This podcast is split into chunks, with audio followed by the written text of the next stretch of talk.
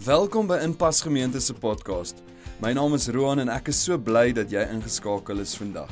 Luister saam na 'n inspirerende boodskap oor die persoon van Jesus en sy liefde vir jou.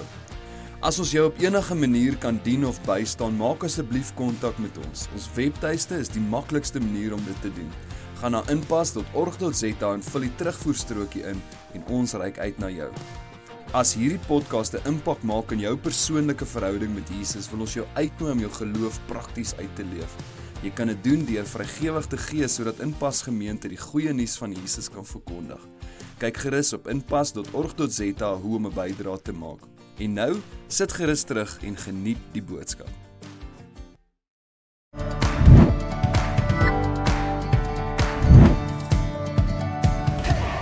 Goeiedag almal. Ons is in die tweede week van ons reeks Eindag sterk. Ons het verlede week afgeskop om oor hoop te praat en ek hoop dit het vir jou so baie beteken soos vir my. Dankie Roan. Ek wil vandag met mense praat wat voel om op te gee. Wat voel om die handdoek in te gooi. Jy voel om op te gee met jou huwelik. Jy het probeer en probeer en probeer, maar niks verander nie.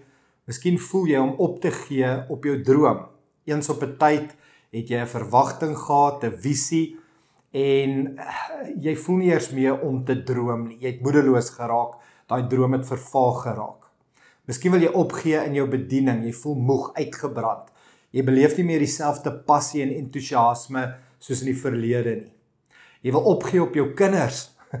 Jy bid en jy bid en jy bid, maar hoe meer jy bid, hoe verder beweeg jou kinders weg van God af en jy's raad op.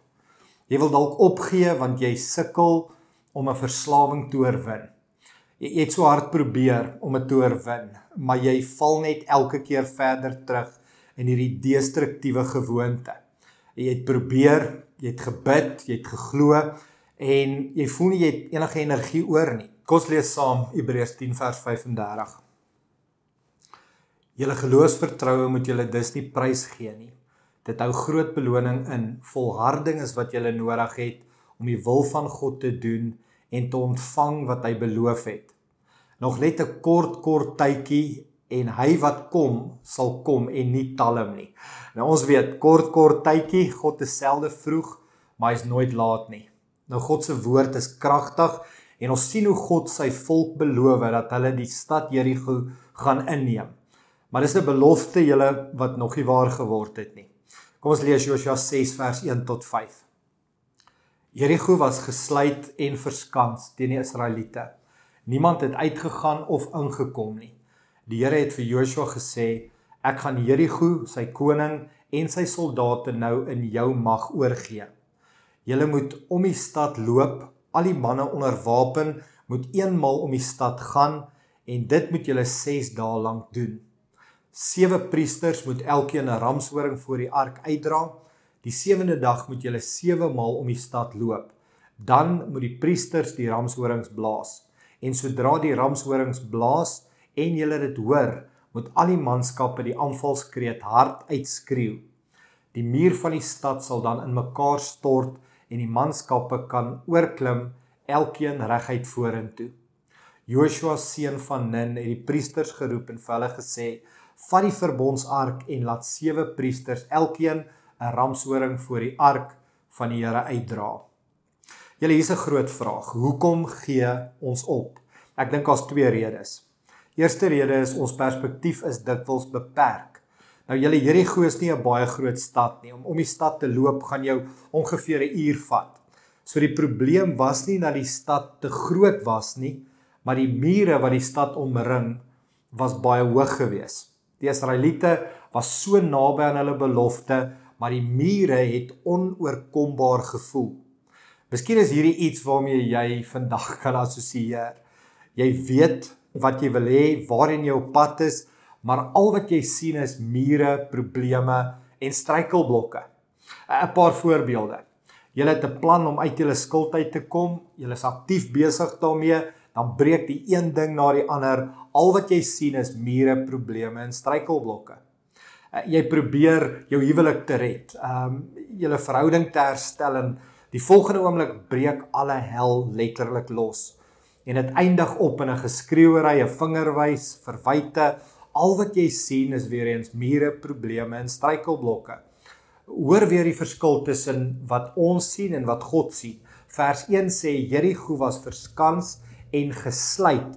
Niemand kan inkom nie. Dis wat ons sien. Dis wat die Israeliete gesien het. Vers 2 sê God sê ek het Jerigo vir julle gegee. Dis wat God sien. God is die enigste een wat kan sê wat gaan wees wanneer wat gaan wees nog nie is nie. Ek wonder of daar tans 'n area in jou lewe is waar God iets gesê het en waar jy iets anders sien. Hy sê jy's genees, jy voel gebroken. Hy sê hy gaan jou seën, jy voel hy het van jou vergeet. Hy sê jy's meer as oorwinnaar en jy voel oorwinning verslaan. Ons perspektief is soos die Israeliete se beperk. Hulle loop om die stad. Hulle ken nie die einde van die storie nie. Hulle weet nie dat op dag 7 gaan die mure val nie. Party van ons is nou in rondte 6 en ek wil jou aanmoedig, moenie by 6 stop nie. En een van die redes waarom ons opgee is ons perspektief is dikwels beperk. Die tweede rede waarom ons opgee is ons vordering is nie altyd duidelik nie. Uh, oor wat gebeur Joshua 6 vers 10. Joshua het die manskappe beveel: "Julle moenie skreeu of 'n geluid laat hoor nie. Nie 'n woord moet uit julle mond kom voor die dag dat ek vir julle sê skreeu nie. Dan moet julle skreeu." Joshua het die ark van die Here toe om die stad laat gaan. Toe dit eenmal om was, het hulle na die kamp toe teruggegaan en die nag in die kamp deurgebring. Hulle het die tweede dag eenmal om die stad geloop en het toe teruggegaan kamp toe. Dit het hulle 6 dae gedoen. Kan jy jou indink hulle frustrasie? Dis nie net 6 dae vir die Israeliete nie, hulle wag al dekades, 40 jaar. Vertrou hulle, hulle is ingeoefen vir die oorlog. Hulle is gereed om te veg en al wat hulle doen is hulle gaan vir 'n uitstappie. 'n Vroegoggend uitstappie. Nou ek weet nie van jou nie, maar ek is okay om die proses eh, te vorder solank daar vordering is, solank ek dit kan sien. Ek sal vir my huwelik veg solank daar hoop is. Ek sal aanhou betaal aan my skuld solank ek eendag skuldvry is. Ek sal aanhou met die dieet solank ek gewig verloor en daar resultate is.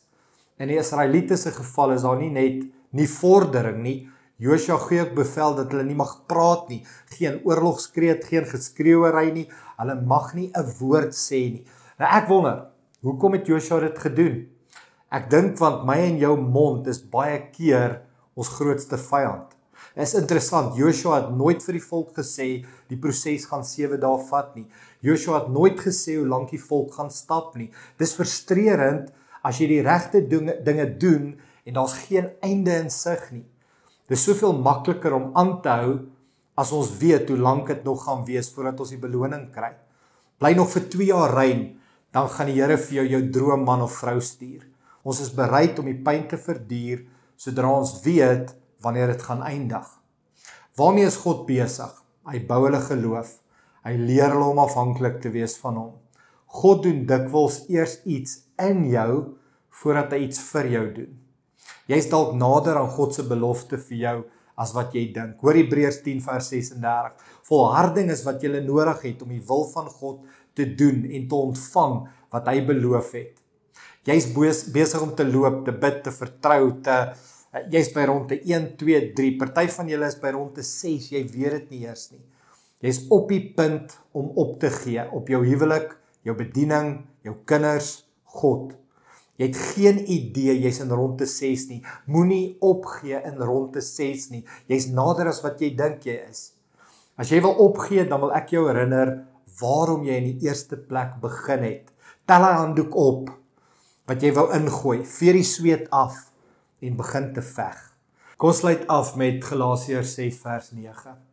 Laat ons dan nie moeg word om goed te doen nie, want as ons nie verslap nie, sal ons op die regte en bestemde tyd ook die oes insamel.